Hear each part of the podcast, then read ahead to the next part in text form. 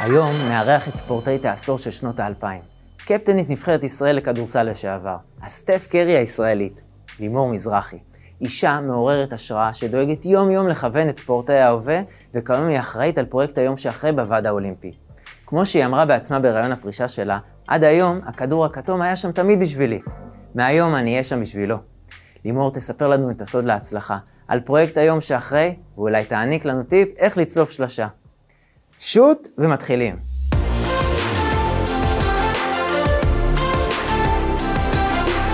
בוקר טוב לכולם, ברוכים הבאים לפודקאסט הדקה ה-90. אנחנו עדיין על המגרש, אבל עוד דקה ביום שאחרי. היום שאחרי הוא המהות של הפודקאסט, ואנחנו היום מארחים את לימור מזרחי. לימור מזרחי, בוקר טוב. בוקר אור. איזה כיף שאת פה. תודה, תודה לכם על ההזדמנות ועל ההזמנה. אז אנחנו שמחים מאוד גם כן, ואנחנו uh, נתחיל איתך כבר ממקום מאוד מאוד כיפי, כי אני חושב שתמיד uh, כולם אוהבים לדבר על אהבה, אז מאיפה את uh, קיבלת בעצם את האהבה שלך בכדורסל בגיל צעיר? איפה, איפה זה קרה באמת? אני לא יודעת מאיפה קיבלתי, אבל אני יודעת שהייתה שמה. בגיל באמת, כמו שאמרת, מאוד מאוד צעיר, בגיל שש, נחשפתי לחוג כדורסל בהפועל גבעתיים.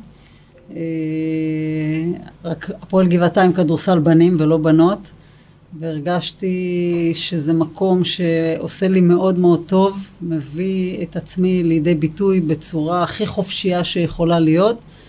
אה, ומשם הכל התחיל, כל השאר זה היסטוריה, מה שנקרא. זה באמת אה, ככה סיפור מעניין, כי באמת איך התחושות של להיות בקבוצה של בנים כבת, ו... בטח אה, רק התגובות של מה אומרים לך מבחוץ וכל זה, ועדיין את ממשיכה בשלך. ו... תראה, הייתי, הייתי סוג של בן, אה, גם עם שיער קצוץ, גם קצת עם שפם. אימא שלי דאגה, דאגה אה, לספר אותי כמו בן חתיך כזה, ככה שחיצונית לא הרגשתי שונה, רק בהיבט הפיזיולוגי כמובן. אה, והרגשתי חלק, פשוט הרגשתי חלק אה, מהקבוצה. אה, כנראה שגם היכולות המאוד מאוד גבוהות שהיו לי כבר בגיל מאוד מאוד צעיר, עזרו לי להשתלב בלי רגשי נחיתות. ומצאתי את המקום שלי מבחינת הכדורסל בתוך הקבוצה בצורה טובה, וכל השאר לא עניין אותי. והם היו חברים שלי, שיחקנו והיה לנו מאוד מאוד כיף. ויתרה מכך, גם בהמשך הקריירה, שיחקתי רוב הזמן החופשי שלי עם בנים ולא עם בנות. אה, במגרש בברנר, בגבעתיים, שעות על גבי שעות, שתיים על שתיים, שלוש על שלוש, סטנגות, כדורגל, רק עם בנים. אה, ואני חושבת שזו אחת הסיבות שהפכתי להיות מי, ש...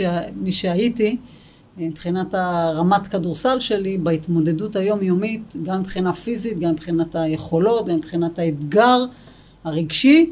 שהפך אותי להיות אה, הרבה יותר אה, חסינה וחזקה. יש לך באמת אישיות מחוספסת קצת, כאילו, לא קצת, הרבה מאוד.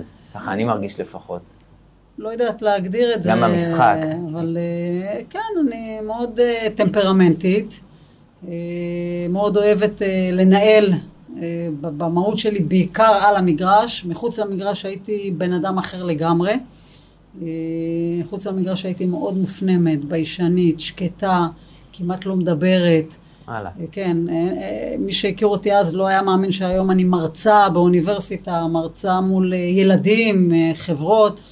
עשיתי תהליך אדיר, אבל זה היה שתי לימור, שתי לימוריות. במגרש, שבאמת לא ראיתי ממטר, והייתי מאוד מאוד אנרגט, אנרגטית, וסוג של מנהלת על המגרש ומחוץ למגרש.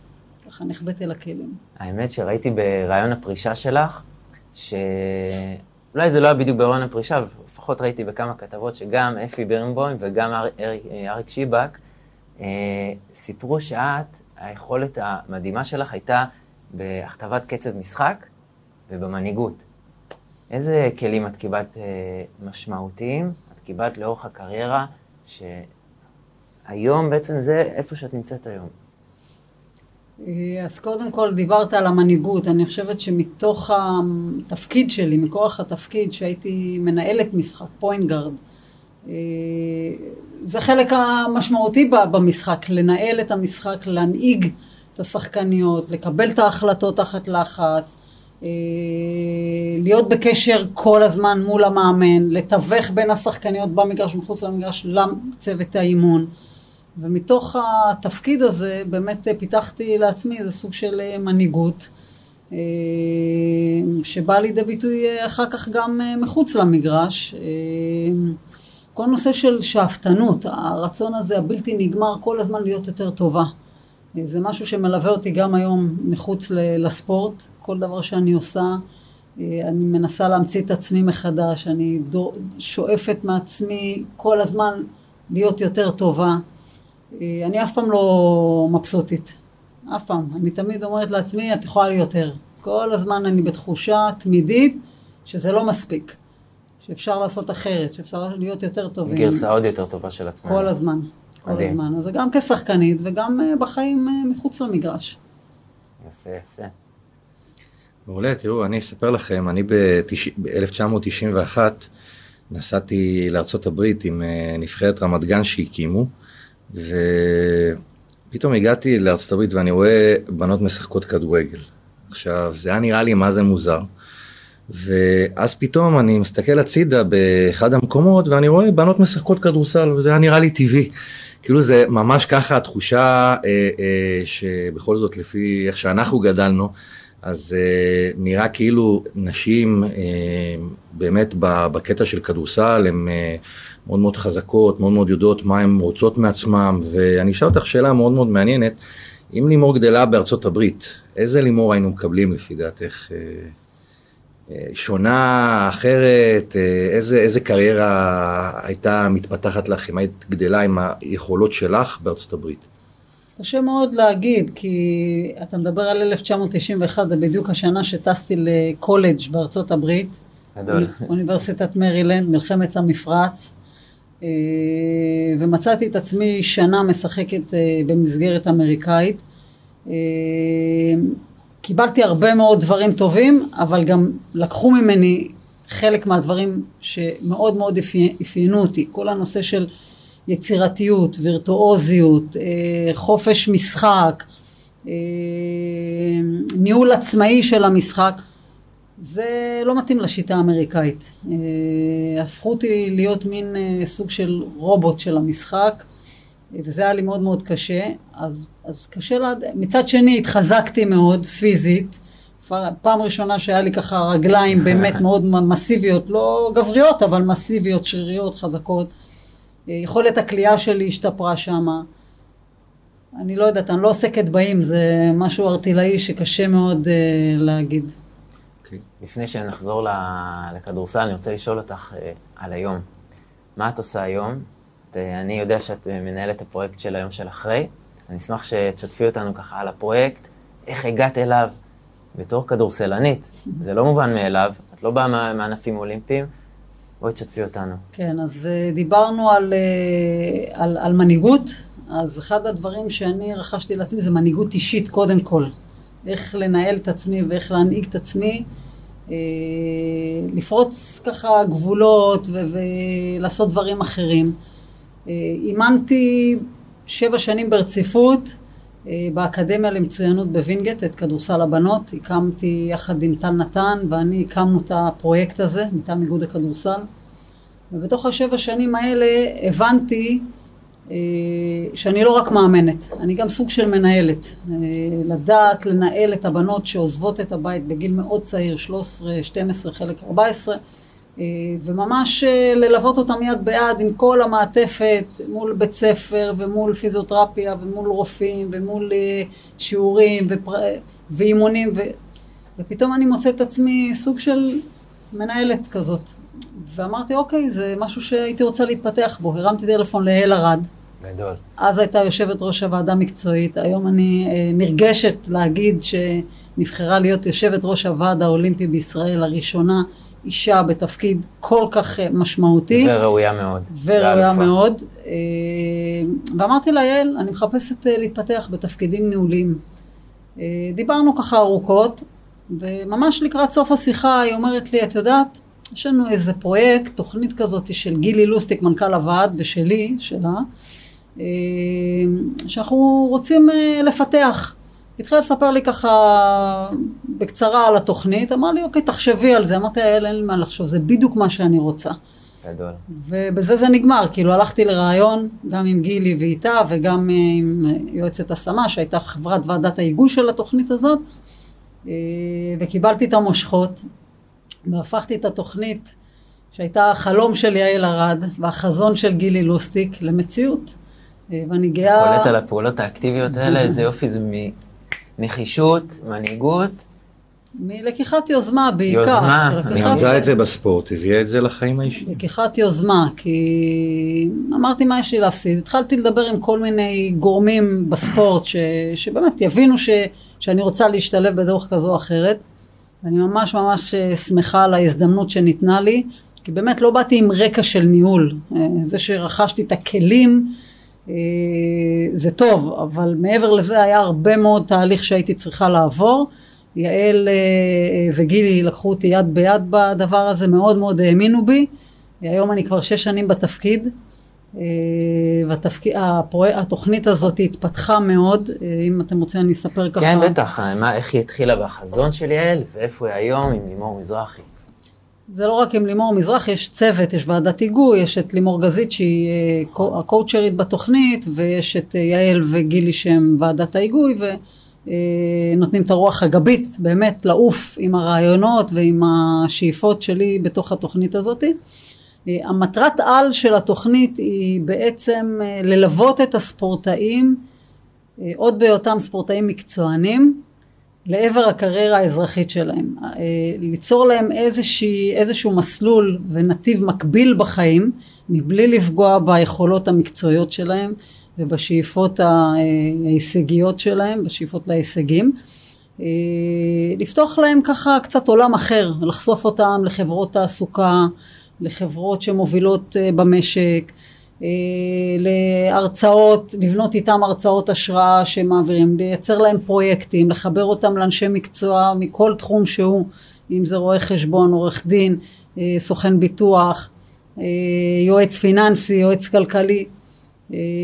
אנחנו עושים סדנאות אחת לכמה זמן באותם תחומים שדיברנו, תקשורת בין אישית, מיתוג אישי, ייעוץ פנסיוני וכן הלאה וכן הלאה. אמ, ואנחנו עושים תהליכים מאוד מאוד יפים. יש לנו את לימור גזית שהיא הקואוצ'רית של. של התוכנית, שהיא בעצם אה, עוזרת לספורטאים להבין איך הם יכולים לתרגם את הארגז כלים, את מי שהם באמת, מה שהביא אותם, הנחישות, התמדה, רצינות, מצוינות, דייקנות, אה, איך הם יכולים להביא את כל הארגז כלים שהם רוכשים בעצם מאותם ספורטאים לתפקידים אחרים שהם מחוץ לספורט. אה, ואנחנו עוזרים להם לעשות את התהליך הזה יד ביד, תוך כדי תנועה, מאוד מאוד מעודדים אותם ל, אה, ללמוד תוך כדי. אנחנו נותנים להם מלגות לימודים, גם למלגת לימודים אקדמיים וגם למלגות קורסים. אה, ואנחנו באמת עושים תהליכים מאוד מאוד יפים. היום אני יכולה להגיד בגאווה שכבר יש 12 ספורטאים ששילבנו, עזרנו להם להשתלב בחברות תעסוקה, הם בקוקה קולה, באלביט, בחברת הייטק 3D סיגנל. במשרד הספורט, בעיריית תל אביב. אפשר איזה דוגמה ספציפית? ליאור וילדקן, ג'ודאית אה, אה, שהייתה בסגל האולימפי, היא לא הייתה באולימפיאדה, היא פספסה ממש אה, קריטריון בדקה ה-90. בשיא של המקום שביעי בעולם. כן, והיא נכנסה לקוקה קולה אחרי שעשינו מיונים וככה מספר רעיונות עם ספורטאים שהביעו עניין לתפקיד שקוקה קולה החליטו להקצות רק לספורטאי ולקחו אותה יד ביד במשך חודשיים ולימדו אותה את העבודה מאפס, אה, והיום היא פורחת וממש אה, התקדמה מאוד מאוד יפה. יש את אה, ניקול טל, סייפת, שהשתלבה ב-3D סיגנל, חברת הייטק אצל אריאל רוזנפלד, שהוא יש לו פטיש לשילוב ספורטאים בחברה. ולקח אותה גם כן למשרה מלאה ומכלום הכניס אותה לחברה. יש את אלמאיה אימרו, מרתוניסט שהיה עכשיו נכון. במשחקים, במשחקים האולימפיים, לקח חצי מרתון עכשיו בירושלים, אז אריאל אימץ אותו ומאפשר לו לבוא תוך כדי זה שהוא פעיל, בין לבין האימונים, תחרויות, אליפויות, רק בשביל להכשיר אותו ליום שאחרי. הוא לא באמת עובד מן המניין, אבל הוא לומד ממש, תוך ב, ממש תוך כדי. ויש אה, נמרוד משיח שהשתלב אה, בפרויקטים שעשינו בחברות אה, כמו קוקה קולה ובנק הפועלים שיצרנו שם מסלול הרצאות והיום אנחנו בקשר מאוד מאוד חזק עם אינטל שגם יוצרים שם כל מיני מסלולים לחיבורים. חשוב לי לציין שהתוכנית הזאת היא נכונה גם לגבי הספורט הפראלימפי. הוועד האולימפי מחבק את הוועד הפראלימפי. ואנחנו רואים... זה לא אותו ועד? לא. תחת הוועד האולימפי? לא, יש ועד אולימפי ויש ועד פראלימפי. אוקיי, חידשת כן, לי. ממש שני גופים אה, נפרדים, אה, אבל שעושים המון המון דברים ביחד היום, ו... והתוכנית הזאת, אנחנו מלווים גם אה, ספורטאים פראלימפיים. זה... איזה חשוב זה לבוא ולהקצות במקומות עבודה, ואיזה יתרון ענק זה למקומות עבודה שאתה יכול לשלב ספורטאים עם הרקע, עם המנהיגות, עם הכלים והיכולות, בסדר, אז הם לא הייטקיסטים, אבל הם יקלטו את זה מהר.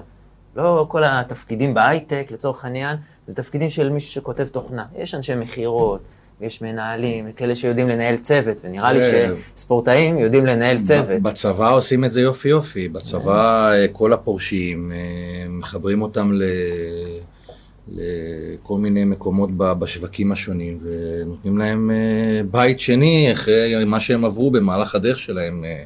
בכל זאת איש צבא עשה דרך, אותו דבר ספורטאי או ספורטאית, הם עושים דרך וצריכים לדאוג להם להמשך הדרך. אז... השאלה, אם, השאלה אם, אה, אם כולם הם מודעים לתוכנית הזאת, זאת אומרת, איך, איך, אה, איך אנחנו מטמיעים בספורטאי צעיר או בספורטאי צעירה שחושבים קדימה ורוצים להיות ספורטאי על, את, לדעת שיש מאחוריהם איזשהו גב כזה שגם בהמשך הדרך דואג להם. זה, זו, אני חושב שזאת... יותר מזה, גם לדעת שיש את זה כבר מההתחלה.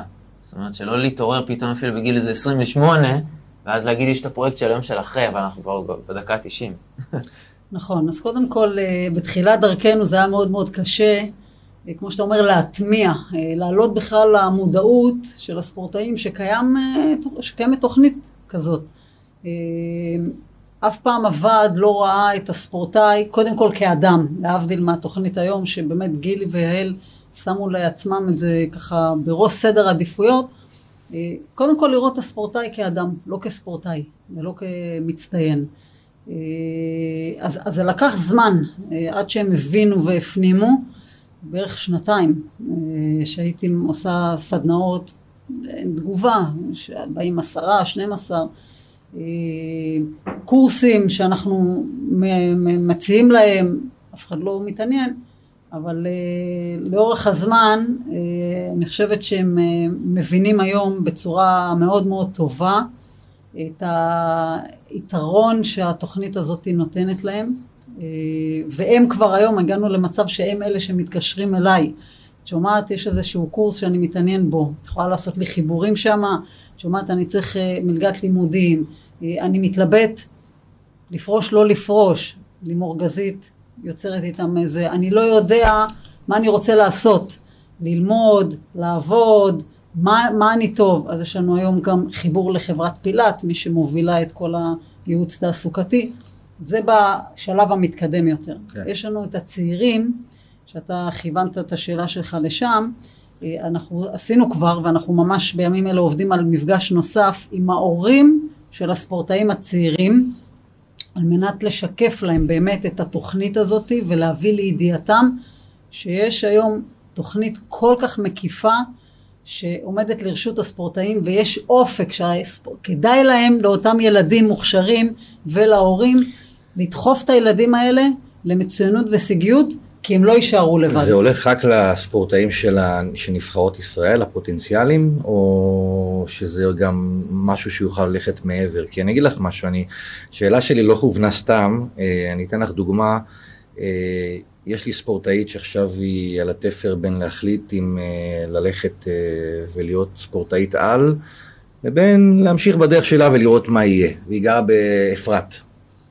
שזה מושב דתי קטן ליד ירושלים. אני שם הרצאה. כן, ומקום מדהים, ו, ואני לא בטוח שהיא מודעת שיש את האפשרות הזאת שאולי היא תקבל את העזרה הזאת בעתיד, אני חושב שזה היה יכול להיות חלק גדול מקבלת החלטה שלה בהמשך הדרך. עכשיו, אני נותן דוגמא את אפרת, אני בטוח שיש מלא מקומות בפריפריות ש... לא מודעים פשוט, ויש שם פוטנציאלים מדהימים, אני בטוח שגם אה, פגשת כאלה, את יודעת, אני לא צריך להגיד לך אה, אילת ובצפון, ו- ומקומות שהם באמת, אה, הם, הם לא מודעים. אני אגיד לך, התוכנית הזאת היא לספורטאים אולימפיים סלאש פראלימפיים. בשנים האחרונות קצת התחברנו עם איילת. התאחדות הילד, שזה הספורט הלא פראלימפי, mm-hmm. אבל זה, לא כל אחד נכנס לתוכנית הזאת. אז אה, אתה צריך לעבור דרך ולהיכנס לתוך קריטריונים. אה, אתה צריך להיות בסגל האולימפי, שזה סגל של פלוס מינוס 90 ספורטאים.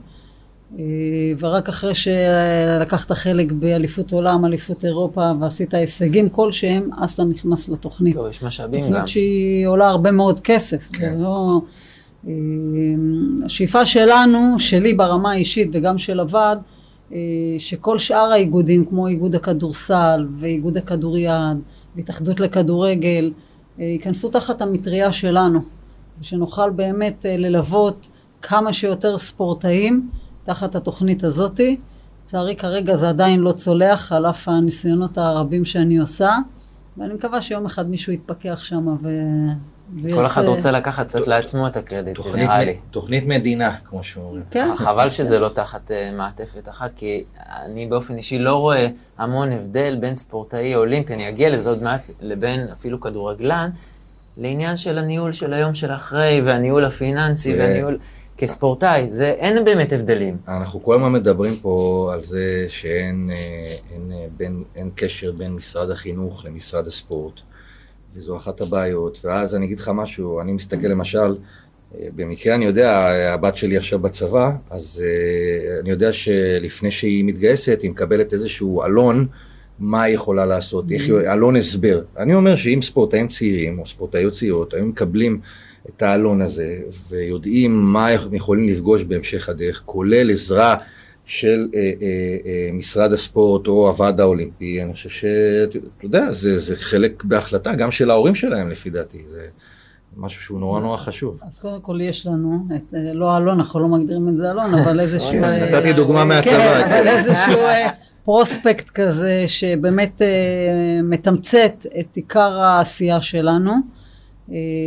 ובמפגש שעשינו לפני שנתיים עם המחזור הקודם, אז אה, באמת הבאנו לידת ההורים ודרכם לספורטאים אה, על התוכנית, וככה אנחנו גם הולכים לעשות אה, ממש אוטוטו בשנת 2022, ולהעביר את כל המידע ולתת להורים את השקט ואת ההבנה שהיום שווה להם להיות ספורטאים מצטיינים, ממש שווה להם להיות ספורטאים מצטיינים, גם בגלל שהם לא לבד, גם בגלל שאנחנו באמת פותחים המון המון דלתות.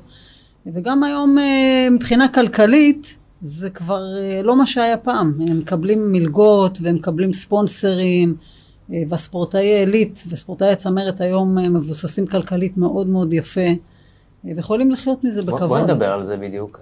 הוועד, קודם כל, הוא, הוא מסייע במציאת ספונסרים. לי זה מרגיש מבחוץ, אני חייב להגיד ש... תקני אותי גם אחר כך. שספורטאי שלא מוצא בעצמו את הספונסרים, לא יכול להתקיים. ברמה הזאת, לא משנה לאיזה רמה אנחנו מדברים, לטופ של הג'ודוקה, לשייטים, לכל מקצוע. לי זה מרגיש שללא הספונסרים לא יכולים להתקיים. מה את אומרת על זה? שאלת שני, שתי שאלות פה. אחד, אה, האם אפשר להתקיים בלי ספונסרים? קשה מאוד. קשה מאוד. אה, הוועד מתקצב, שוב פעם, על פי קריטריונים, סגל ערד, בכיר, אה, זהב, כסף, וכל אחד לפי המיקום שלו מקבל איקס כסף. אה, המקסימום שמקבלים זה 8,500 שקל לחודש, אה, והמינימום זה 4,500 שקל לחודש. אין ספק שספורטאי צמרת לא יכול להתקיים רק מהתקצוב הזה. יחד עם זאת, יש אשת מקצוע, במיוחד לדבר הזה, ברוריה ביגמן, אשת השיווק של הוועד האולימפי, שעומלת רבות מאוד באמת לרתום חברות, אה, גופים מסחריים לטובת אה, אה, באמת ליווי ומתן ספונסר שיפ לספורטאים. יש היום 50 ספורטאים שמקבלים תמיכה כלכלית מעבר למלגות הזה. הבעיה היא, זה לא בשורה הראשונה של הספורטאים, הבעיה היא זה בשורה Mm. אחת מתחת, ששם אתה עוד לא הבאת אליפות. עולם, איזושהי, איזשהו הישג ממש משמעותי, אבל יש לך, או יש לך, את הפוטנציאל האדיר להפוך להיות ספורטאי אולימפי, ושם יש איזשהו gap בין קבלת מלגות וספונסרים, שאין להם שום אינטרס לקחת איזה מישהו אנונימי שלא יודעים באמת אם הוא יצליח או לא יצליח, ופה פה צריך לתת את הדעת. אה, למיטב הבנתי, אה, משיחה האחרונה שהייתה לי עם דודו מלכה, סגן אה, ראש מינהל הספורט, אמר שבאמת בקדנציה הזאת הם הולכים לתת את הפוקוס בדיוק במרווח הזה. הזה. כן, איזה חשוב זה. כן. וזה יעשה לטעמי הבדל דרמטי בהצלחה של ה... שלנו כמדינה בספורט. כן, זה... זה כי יש שם- לתת ערכים. לא, כי יש המון המון ספורטאים שמתפספסים, כי ההורים ברור. לא יכולים לקלקל אותם, אה, כי הם לא יכולים לקלקל את עצמם, אה, ההורים צריכים לש... להוציא כספים, אה, לל... זה, זה, זה ובסופו של קשוח. יום, בסופו של יום, אה, אצל ספורטאים וספורטאיות כמו לימור, זה הכל מתחיל ונגמר באהבה שלהם לספורט. פה- היו לנו פה אה, שלוש מדליות אולימפיות, אה, מדליסטיות. אולימפיות מהג'ודו, שסיפרו על האהבה שליוותה אותם ואיך הם עשו את הדרך. אני בטוח שגם הדרך שלך בכדורסל הייתה בדיוק אותו הדבר, אבל זה נותן איזושהי אקסטרה מאוד מאוד חשובה, שלא משנה מי הספונסר וכמה, אני לא רואה בעיניים. לעומת זאת, אה, דיברנו מקודם על ליאור וילדיקן, זו דוגמה מצוינת לבחורה ג'ודוקה שהגיעה למקום שביעי בעולם. עכשיו, אני, אני לא בטוח אם אתה שמעת פעם את השם... אה, אה, אני שמעתי ליאור. דרכך כבר. כן, אבל, אבל אה, היא הרצתה אצלי ובפרויקט מצוינות, והיא סיפרה שבאמת יש הרבה הרבה מאוד התמודדויות בגלל שזה רק מקום שביעי בעולם, ו- ואחר כך פתאום יש פציעות ופתאום יש דברים, וכאילו אחד לא סופר אותך. זה... אני יכול להבין את מה שלימור אומרת אה, בקטע הספציפי הזה, אבל גם שמעת מהבנות שבאו ואמרו, כן, גילי סיפרה למשל, גילי שריר, שההורים, תודה לאל שנולדתי לבית שיכלו לבוא ולאמן לי את כל הטיסות. ברגע שנכנסתי לסגל, הופה, אז שם כבר התחילו להביא לי החזרי הוצאות, להביא לי את המימון, אבל זה ממש, אני רואה את זה שזה ממש קשה להתקיים, אפילו משמונה וחצי אלף שקל. ההוצאות שלנו, כן, אז קודם כל, מי שבסגל האולימפי היום, לא צריך להוציא שקל. שקל. הם מכוסים מכל ההיבטים, אם זה האימונים, ואם זה מחנות אימונים, ואם זה תזונה, ופיזיותרפיה, ורפואה, ומאמני כושר, וואו. יש מעטפת, מאמנים מנטליים, פסיכולוגים, נוסעים איתם, חוזרים איתם, זאת אומרת, יש מעטפת שמלווה אותם, הם כמו ילדי מבחנה.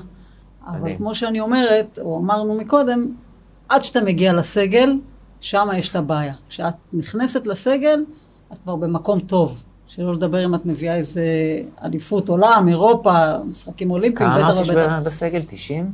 פלוס מינוס אה, 90 אה, ספורטאים בזמן נתון. כן. זה לא מספיק. סליחה. מדינה קטנה. אני מדבר בכנות, זה, זה מרגיש לי שזה לא מספיק 90.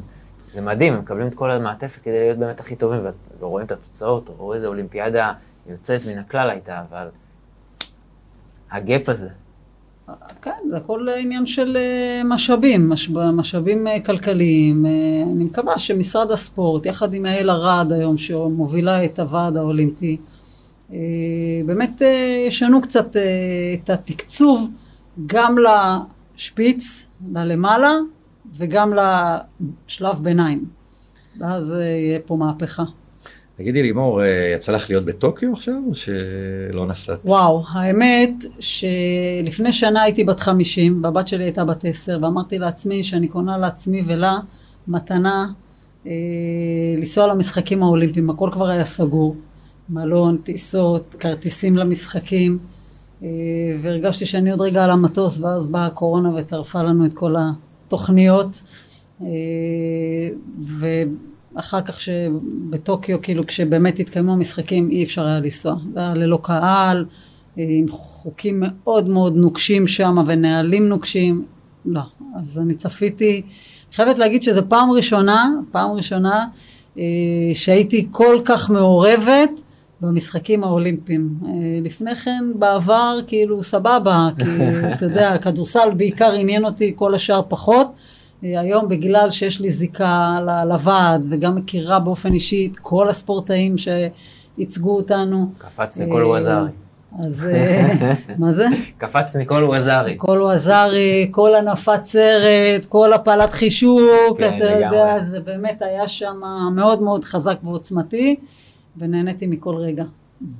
כן, זה היה מוצלח מאוד, אני חושב שזו האולימפיאדה הכי מוצלחת של מדינת ישראל. כן. וזה נתן לכם איזושהי דחיפה, האולימפיאדה הזאת?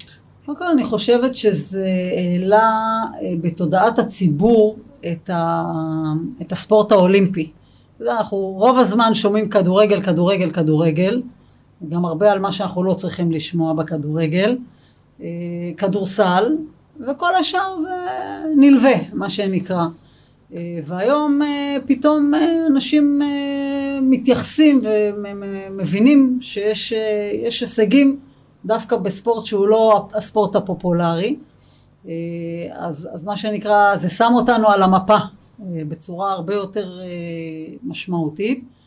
אה, אני, אני מרגישה את זה גם אל מול חברות שאני נפגשת, שהיום וואו, ספורטאי אולימפי, ספורטאי אולימפי, כאילו וואו, כולם בהתרגשות עדיין מתוך יש הילה. ההצלחה וההישגים, וכן, יש איזו הילה כזאת היום, זה, יש הערכה הרבה יותר גדולה לספורטאים האולימפיים. אה, בורי, אני מניחה שתעיד שגם אה, יש התקדמות ועלייה גם ביכולת לגיוס ספונסרים בעקבות הצלחה, שזה דבר טבעי. מה התוכניות הפנים ל-2024 לפריז? מאיזו בחינה? ברמה המקצועית, ברמה של התוכנית שלך, אה, תראה, מקצועית קשה לי להגיד, כי אני לא מעורבת בתוכניות מקצועיות, בהצבת קריטריונים ויעדים. אני לא שם, אני, זה לא מתפקידי. אה, מבחינתי, אה, לקראת 20, 2024, קודם כל השאיפה שלי להיות שם, ברמה האישית, לקחת חלק, ובאמת פעם ראשונה בהיסטוריה שלי, אה, לחוות את האירוע הספורט הכי גדול בעולם. אה, מבחינת התוכנית עצמה, להמשיך להתפתח, אה, להמשיך לגדול, לייצר עוד ועוד אפיקים, אפיקי צמיחה לספורטאים, לפתוח יותר ויותר דלתות במשק הציבורי והפרטי בארץ, להצליח לשלב ספורטאים. השאיפה הכי גדולה שלי זה שכמה שיותר חברות יקלטו ספורטאים עוד בהיותם ספורטאים. ויבנו יחד איתם את הפלטפורמה להשתלבות ליום שאחרי. זה מבחינתי תהיה הצלחה סופר משמעותית, אה, ואז זה נותן המון המון שקט לספורטאי. הוא יודע שיש לו עוד שלוש שנים מקום ללכת אליו, הוא לא בלחץ. לצעוד ואין לו בור. לגמרי, לגמרי. נעשו, נעשו איזה שהם אה, אה, עבודות בקרה על מה שקרה אחרי האולימפיאדה? כי את יודעת, יש איזושהי, שמענו גם מהבנות, שיש איזושהי ירידת מתח היסטרית, וצריך, את יודעת, לעבוד על זה, גם ברמה המנטלית, אני חושב שזה דבר מאוד מאוד חשוב. והאם אה, את יודעת שנעשתה איזושהי בדיקה, מה קורה, איך קורה, איך אה, בעצם אה, לוקחים את הספורטאים ונותנים להם את המעטפת של יום אחרי האולימפיאדה, לא יום אחרי הקריירה, אלא יום אחרי האולימפיאדה. אז אנחנו שם בדיוק גם בשביל זה. אה, אנחנו נפגשנו עם 30 ספורטאים בפרק זמן של חודשיים, אה, כדי באמת אה, לשמוע מהם על התחושות, על ההרגשות, על החששות, על הפחדים, על השאיפות שלהם, איפה הם רואים את עצמם, האם הם הולכים לעוד שנה, לעוד קדנציה, לא הולכים לעוד קדנציה, מתלבטים. וזה בדיוק חלק מהתוכנית שלנו, להבין את המקום שכל אחד נמצא בו. ברגע שאנחנו מזהים את המקום הזה, ככה אנחנו יכולים לחבר אותם לאנשי מקצוע. כן, אני בטוח, כי נכון. הסיבה שהעליתי את זה, זה שכולנו ראינו באולימפיאדה הזאת, בארצות הברית, סימון ביילס, שמתרסקת אחרי שלקחה כמות מדליות מדהימה בריו, ואני בטוח שהיא אולי ניסתה לעבוד היום שאחרי, אבל לא נגעו במקומות מספיק אה, טובים בשביל לתת לה את ה... את ה... את ההרגשה, את הביטחון. העצמי שהיה ברצפה לפי דעתי מבחינתה בקטע הזה. כן, קודם כל יש את הסרט של מייקל פלפס, אה, The Golden, משהו, שכחתי את השם שלו, כן, אה, נאתר אותו. אה, משקולות הזהב, משהו כזה. ברח לי גם כן. לא משנה, תכף אני אזכר. אבל הסרט בעצם מדבר באמת על החרדות, על הפחדים, על הריקנות, על המי אני מה אני, חוץ מעצם היותי ספורטאי, אה, על מה אני עושה, איזה תכלית יש לי היום בחיים, איזה drive אני יכול למצוא פתאום, ריגוש ברמה כזאתי. אה, באמת סרט אה, מאוד מאוד קשה לצפייה. המרוץ לזהב לדעתי, לא? משקל הזהב. משקל הזהב? משקל הזהב. משקל אוקיי. הזהב. משקל על הכתפיים. כן, לגמרי. אז, אז באמת הסרט הזה מביא לידי ביטוי את, את המקום הזה שאתה מדבר עליו. תראה, אני יכולה להגיד לך גם אה, ממקום אישי וגם ממה שאנחנו יודעים עם ספורטאים, אין תחליף לדבר הזה שנקרא ספורט. הריגוש הוא כל כך חזק מאוד, גם ברקוביץ' כל הזמן, אה, אייל ברקוביץ' מדבר על הדבר הזה, לא משנה מה הוא עושה, פרסומות, משווק, אה, טלוויזיה, ערוץ 2, פריים טיים, בסוף אין את המתח הזה, את התסכול, את הדיכאון, את השמחה, להניף גביע. אתה- יודע, כל מה שאתה חווה כספורטאי, אבל החוכמה היא באמת אה, לנסות ולמצוא ייעוד אחר, אה, ולהבין מה יכול לעשות לך טוב אה, ביום שאחרי, ואיך אני יכולה להביא את עצמי לידי ביטוי בצורה הטובה ביותר, וללמוד לחיות עם התחושה הזאת. זה לא פשוט, אבל זאת בדיוק אה, מהות התוכנית שלנו, בדיוק מהות התוכנית. זה בדיוק יפה, זה גם המהות אה, של הפודקאסט הזה, זה, זו הסיבה האמיתית שבעצם הזמנתי אותך, היה לי מאוד מאוד חשוב שתסבירי על הפרויקט הזה, היום שאחרי הוא כל כך חשוב, אני חושב שחייבים להתכונן אליו, כמו שאת ציינת, כבר במהלך הקריירה, כבר לה- להוציא תוכניות הכשרה אה, במקומות עבודה, זה נורא נורא חשוב, זה מדהים. בואו נדבר קצת עלייך. יאללה, בוא נדבר. לימור ככדורסלנית. אני, בתור ילד הייתי עוקב אחרייך הרבה. הייתי צופה אפילו בהרבה בכדורסל נשים. סטף קרית הישראלית. מה זה בתור ילד? אתה עדיין ילד. עדיין ילד. אה. מה, היית עובר וראית אותי? לא, אבל אה, בכל מקרה, אני ראיתי שכדורסל הנשים היה משהו שהיו צופים בו בערוץ הספורט. את בעצמך היית, עשית קריירה בארצות הברית, גם סיפרת קצת על המכללות. גם על... נשמח גם שתשתפי, הגעת לשחק בפולין, הגעת לגמר גביע אירופה. הגעת לאיסלנד, יכול להיות? גם, כן. זה קראתי, אמרתי, איסלנד, מה. עשית שם לפני משחקי הכס עוד? אשמח שתספרי קצת על הקריירה ספורטאית שלך. העשור גם... אה, ספורטאית העשור, נכון. מאיפה להתחיל את הקריירה? קריירה ארוכה, ו... שוטי, תגידי מה ש... על החוויות שלך. וואו, קודם כל, אה, באמת לא יודעת מאיפה להתחיל, אתה צריך לכוון אותי, כאילו, בוא נגיד, מה רגע השיא שלך. בקריירה? בום. מה רגע השיא. אה, היו כמה רגעי שיא. אה, אני אזרוק אה, ככה כמה דוגמאות. אחד, נגעת בזה, גמר אליפות אירופה עם קבוצת גדיניה מפולין. אנחנו מגיעים לשם לפיינל פור בפאץ' בהונגריה. אני נלחמת על המקום שלי בקבוצה הזו, ואנחנו משחקים משחק חצי גמר נגד אה, צרפת, אה, ואנחנו בפיגור. ואני ככה לא משחקת אה, עד המחצית. כל המחצית הראשונה, במחצית שנייה אנחנו ממשיכים להיות בפיגור, ואז המאמן ככה נותן לי את ההזדמנות לעשות איזשהו שינוי, ותפסתי את אחד המשחקים הכי טובים שלי בקריירה, ועשינו מהפך, וניצחנו את המשחק, וקיבלתי את ה-MVP של המשחק, ועלינו לגמר אליפות אירופה, פעם ראשונה לשחקנית ישראלית. אה, אז זה רגע שיא בפני עצמו. אה, היה לי חלום, היו לי הרבה חלומות. אחד מהחלומות היה להיות שחקנית WNBA.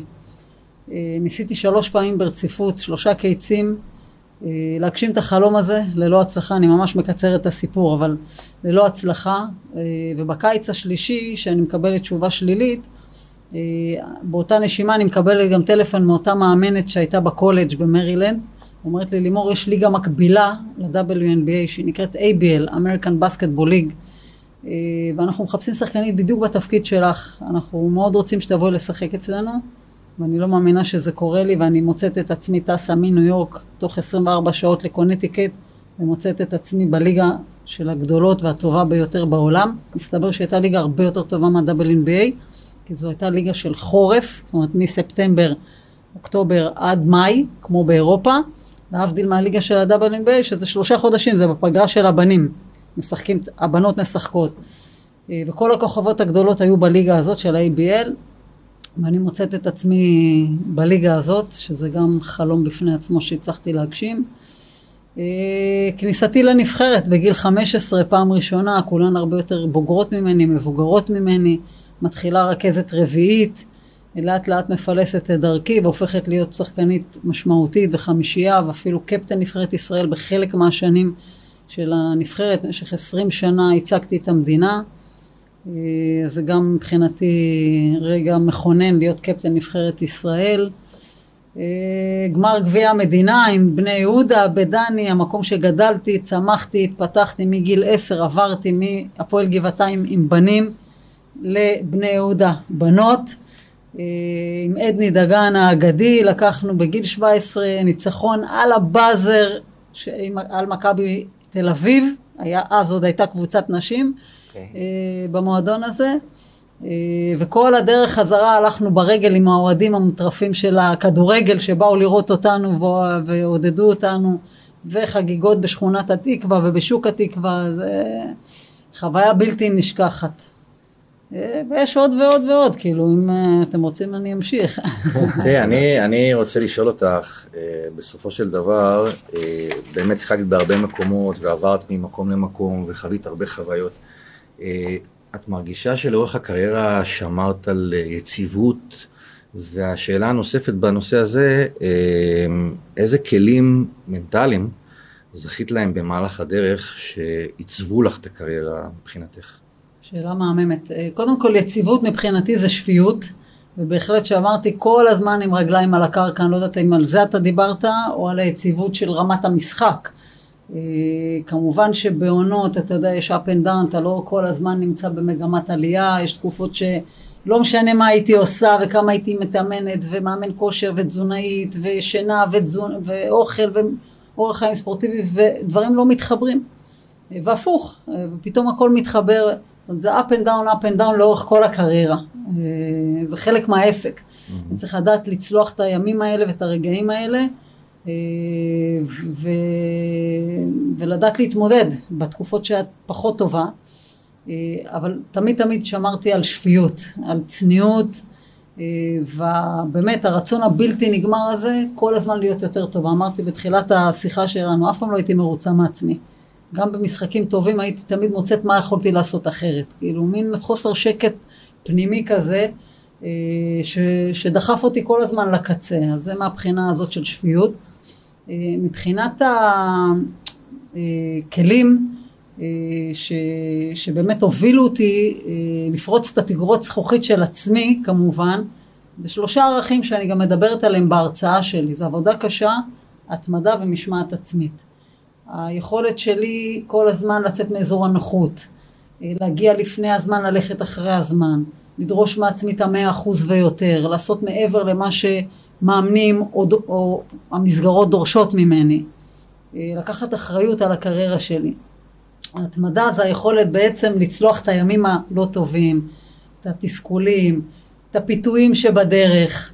אה, החבר'ה יוצאים לבלות ואני צריכה לשמור על אורח חיים ספורטיבי, המשפחה יוצאת לחופשות ואני צריכה לעשות ויתורים, אז לדעת להתמיד בדיוק ברגעים האלה של הדילמות. הפסדתי גביע המדינה, יש לנו עוד אליפות בדרך, איך אני שומרת על החיוביות, על האופטימיות, על הביחד, על האמונה שלנו שאנחנו מספיק טובות. זו, זו ההתמדה שהייתה מאוד מאוד חשובה לי, והמשמעת העצמית זה היכולת לעשות דברים גם כשלא אומרים לי לעשות, מיוזמתי, וגם כשלא מפקחים עליי. זאת אומרת, אני לא הייתי צריכה מאמן שישב שם באולם כדי לעשות את האימון מבחינתי בצורה הטובה ביותר. היה לי את המשמעת העצמית לדחוף את עצמי לקצה, כל הזמן, לבד. וזה גם נשמע בהתמדה, כי תראי, אני זוכר אותך אה, כאחת הקלעיות הגדולות שהיו במדינה, והייתה לך גם רוטינה זריק, רוטינת זריקה. שהיא אה, ליוותה אותך לכל הקריירה, נכון? אני זוכר כזה כדור כזה, מגיע מפה. נכון. אתה יודע, אני מסתכל היום על סטף קרי למשל, אני רואה שיש לו רוטינת זריקה, כאילו הוא ממש עושה כל הזמן את אותו הדבר, האחוזים שלו הם מטורפים. עכשיו, איך מגיעים לדבר כזה? זה... זה... להגיד אותי ואת סטף קרי באותה נשימה, אפשר לסגור את התוכנית. כן, למה? לא? את- היית באה תוך כדי רוטינה זה רוטינה. עוצרת, עוצרת, רוטינה זה דופקת רוטינה, שלושה? בלי לראות בעיניים, מה כן. לעשות? זה מה שהיית. תראה, יש דרך אחת להגיע להטמעת תנועה בצורה אבסולוטית.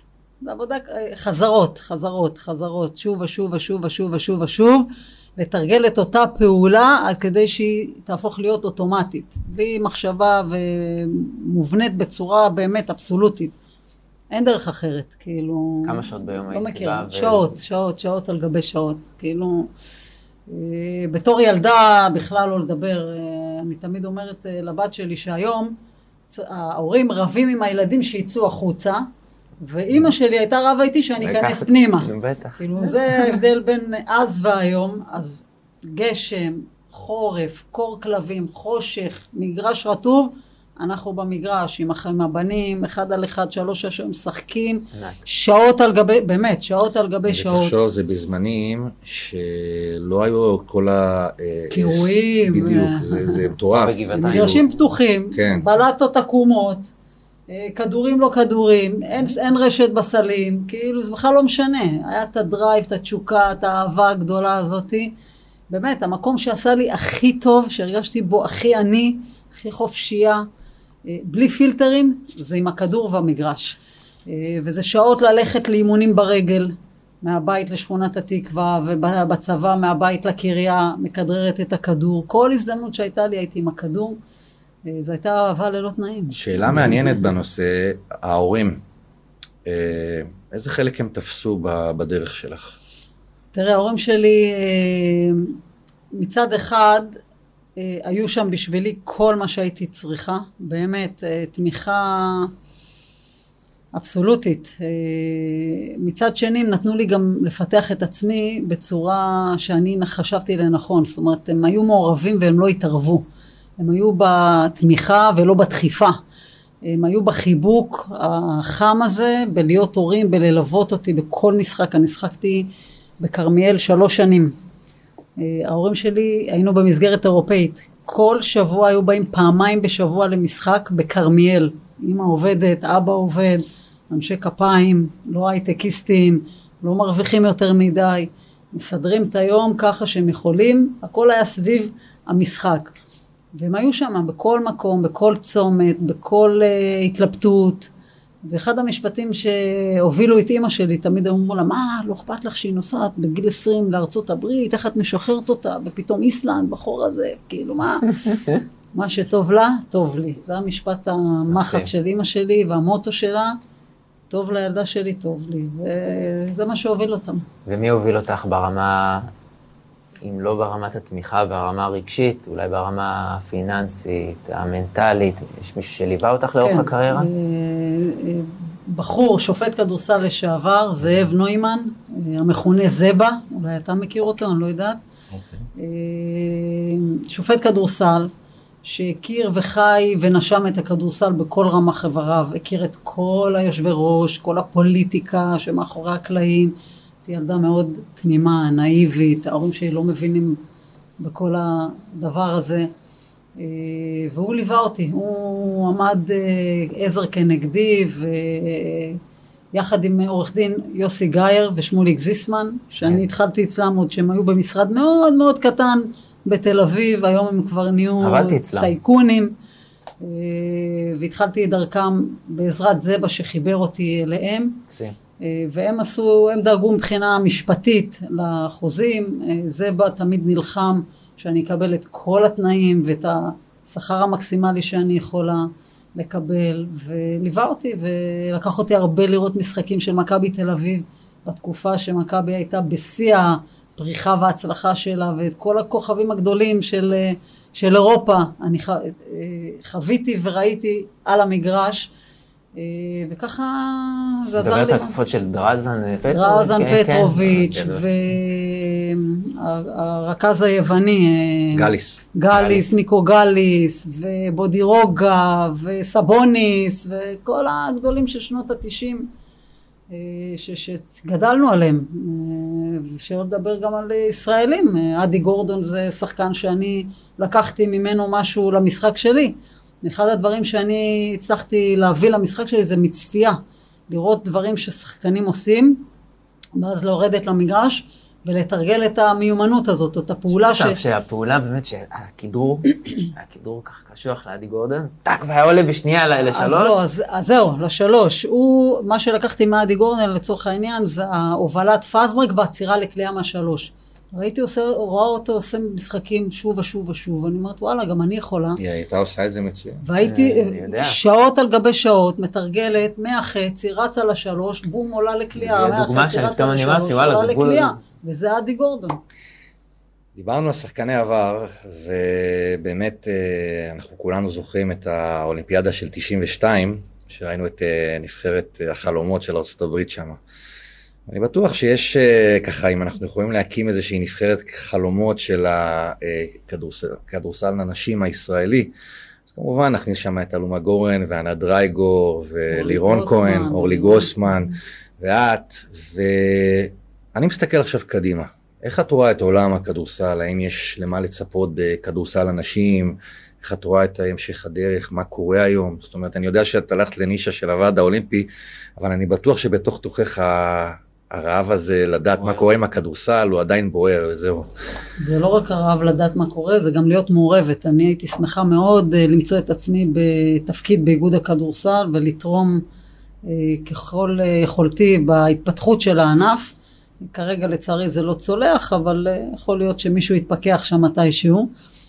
אבל זה לא הסיפור. אם היית שואל אותי את השאלה הזאת לפני שנה, אז התשובה הייתה אחרת לגמרי. אני חייבת להודות שהיום היום אני אה, הרבה יותר אופטימית ממה שהייתי בשנים האחרונות, באמת הייתה איזו נפילה אה, מאוד מאוד גדולה ברמת השחקניות, במחויבות של השחקניות, בניהול של הליגה, אה, בחוסר מקצוענות וחוסר עניין לציבור, מן הסתם כפועל יוצא לכל הדברים שאמרתי. עם כניסתה של יו"ר מנהלת ליגת הנשים היום, הילה בר דוד, אני מרגישה שיש איזשהו שינוי. יש בנות, גם ראיתי את המשחק האחרון של הנבחרת נגד לטביה ממש ביום חמישי האחרון, אמנם לא ניצחו, אבל זו נבחרת מאוד מאוד צעירה. אין שם את השילוב בין הוותיקות לצעירות, היה איזה מין באמת גאפ כזה, פתאום שכל הוותיקות פרשו ביחד, נו, קטיה לויצקי וקטיה אברמזון ושי דורון. אה, ושירן צעירי, ככה כל מיני חבורה של בנות שהובילו את הנבחרת למעלה מעשור, פתאום עזבו ביחד. אה, ואז אה, נשארו צעירות לגמרי, בנות 19-20, שצריכות להוביל את הנבחרת הזאת, ואנחנו יודעים שלבנות נבחרת לוקח זמן. אבל יש בנות פוטנציאליות, יש בנות מוכשרות, יש אווירה טובה בנבחרת.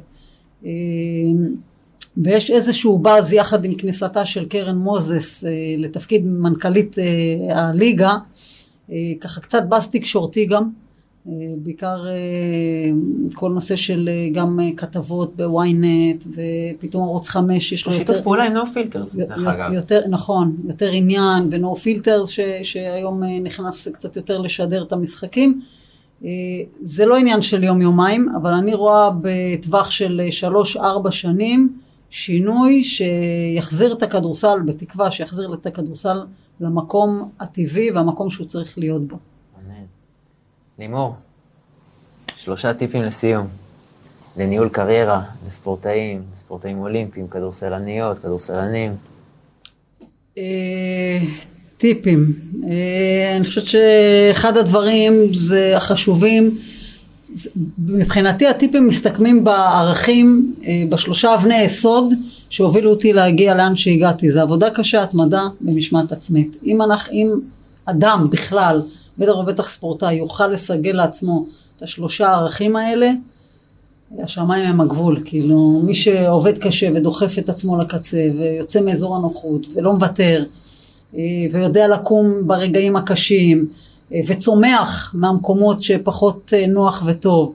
אה, ולא צריך מישהו שיניע אותו, אלא זה בא מבפנים, עם תשוקה מאוד גדולה, עם רעב גדול להצלחה. אין סיבה שלא יגשים את עצמו וימצא את מלוא הפוטנציאל האישי של, שלו או שלה. טוב, היא אמרה את הכל. נשארת פעור פה, וואו. לא, היא אמרה את הכל, ובהחלט, אה, אני חושב שאם אה, אה, לפחות בנות צעירות שהיו שומעות את הפודקאסט הזה ומקשיבות לאיך לימור הגיעה ועשתה מה שהיא עשתה, ובעיקר ייקחו את כל ההפנמה בנושא של ההתמדה, שזה משהו שבאמת הביא אותך הכי רחוק מבחינתך. אני חושב שהן יכולות להגיע למקומות, אה, לפחות לחלום כמוך, זה, זה הדבר החשוב. גם לחשוב, אותו mindset, יש פה mindset מנצח, וגם לחשוב עבור הנתינה, יש פה המון המון נתינה, אני שם לב, סביב הפעילות שלך, שזה מבחינתי מקסים. שיכירו את הפרויקט של היום של אחרי. נהדר. תודה רבה שבאת. תודה לכם, תודה. היה כיף.